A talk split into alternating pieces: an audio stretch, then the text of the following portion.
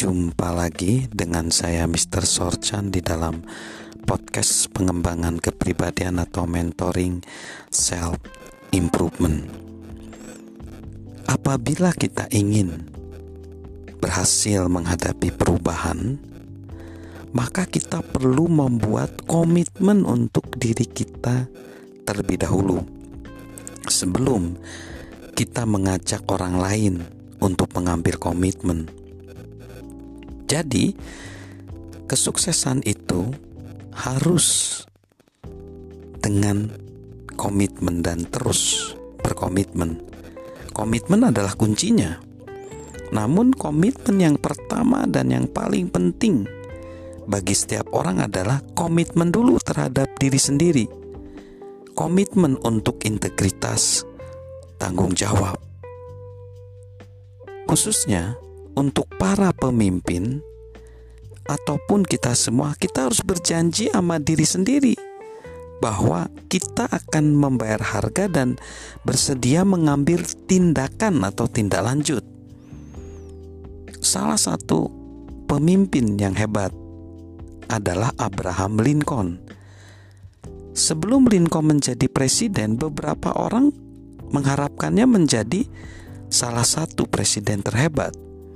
Namun, faktanya justru New York Times menyatakan Lincoln tidak memenuhi syarat untuk menjadi presiden Amerika Serikat. Namun, ia berkomitmen untuk membantu bangsa ia berkomitmen untuk membantu bangsa. Ia kemudian mengungkapkan pola pikirnya tentang komitmen.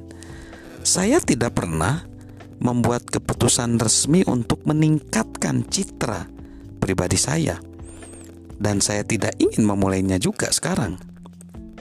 Artinya, bahwa citra diri tidak perlu dibuat-buat, disetting, tetapi Citra diri itu adalah melalui perbuatan, melalui komitmen untuk menolong orang lain.